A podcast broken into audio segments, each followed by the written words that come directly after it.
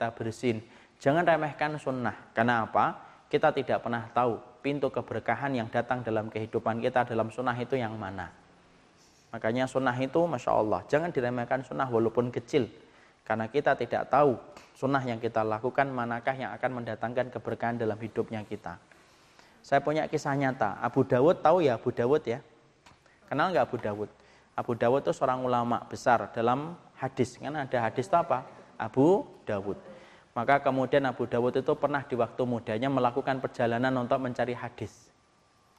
Abu Dawud itu melakukan perjalanan untuk mencari hadis. Maka ketika beliau dalam perjalanan mencari hadis naik perahu. Ketika beliau naik perahu, yaitu kemudian di pinggir sungai ada orang yang bersin. Orang yang bersin itu ngucapin Alhamdulillah apa adabnya dan sunnahnya kalau kita menghadapi ada orang yang bersin mengucapkan alhamdulillah yaitu yarhamukallah. Kapan?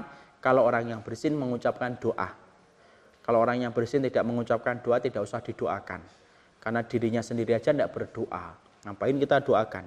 Makanya kalau antum antuna nanti bersin itu doanya harus keras. Tapi tidak usah keras-keras banget ya. Jadi keras yaitu alhamdulillah supaya orang yang mendengarnya mengucapkan doa ya. Maka orang itu ngucapin doa.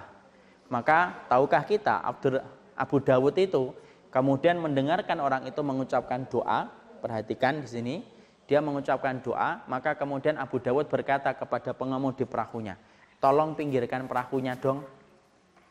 Kemudian pengemudi perahu itu tidak mau. Ngapain? Tolong pinggirin perahunya sebentar, tidak mau. Dirogoh uang sakunya Abu Dawud. Uang sakunya itu satu dirham dikasihkan tolong pinggirin perahunya sebentar nih satu dirham uang saku saya tapi tolong pinggirin perahunya ya. Oke dibayar satu dirham. Di pinggirin perahunya Abu Dawud turun. Dan ketika turun ngapain yang dilakukan Abu Dawud? Abu Dawud mendatangi orang yang tadi bersin mendekati dan berkata yarhamukallah. Kemudian dijawab sama kemudian pemuda tadi yahdikumullah wa yuslihu balakum. Kemudian Abu Dawud naik ke kapal lagi, ke perahu lagi. Yang di perahu itu semuanya melongok.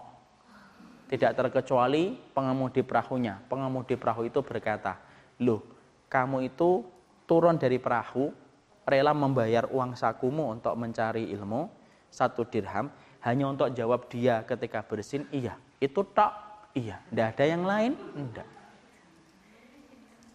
Masya Allah itu apa yang terjadi? Allah membayar kontan. Allah membayar kontan. Bagaimana perahu itu akhirnya berlanjut perjalanannya. Kemudian semua yang di perahu itu ditidurkan semuanya oleh Allah. Dan ketika mereka ditidurkan, Allah memberikan mereka masing-masing di dalam pengemudi perahu itu mimpi. Mimpinya itu apa? Bahwasanya Abu Dawud telah mendapatkan surga ketika Allah telah mem, ketika Allah telah menerima satu dirham yang dia telah bayarkan. Dan ketika mereka semuanya bangun, pengemudi perahu itu, semua penumpang perahu itu asalnya mereka diem. Tidak ada yang cerita tentang mimpinya. Sampai ada salah satunya yang berkata, Abu Dawud itu yang mana ya? Kemudian ada yang mengatakan, tadi yang turun, saya. Saya tadi bermimpi, namamu disebutkan di dalam mimpiku. Apa mimpinya? Bahwasanya Allah telah menerima satu dirham yang kamu bayarkan ketika kamu rela dengan uang itu hanya untuk menjawab orang yang bersin. Dan ternyata semua pengemudi perahu, semua penumpang perahu itu kaget. Kenapa? Karena ternyata mimpi mereka semuanya sama. Semua yang di penumpang perahu itu sama.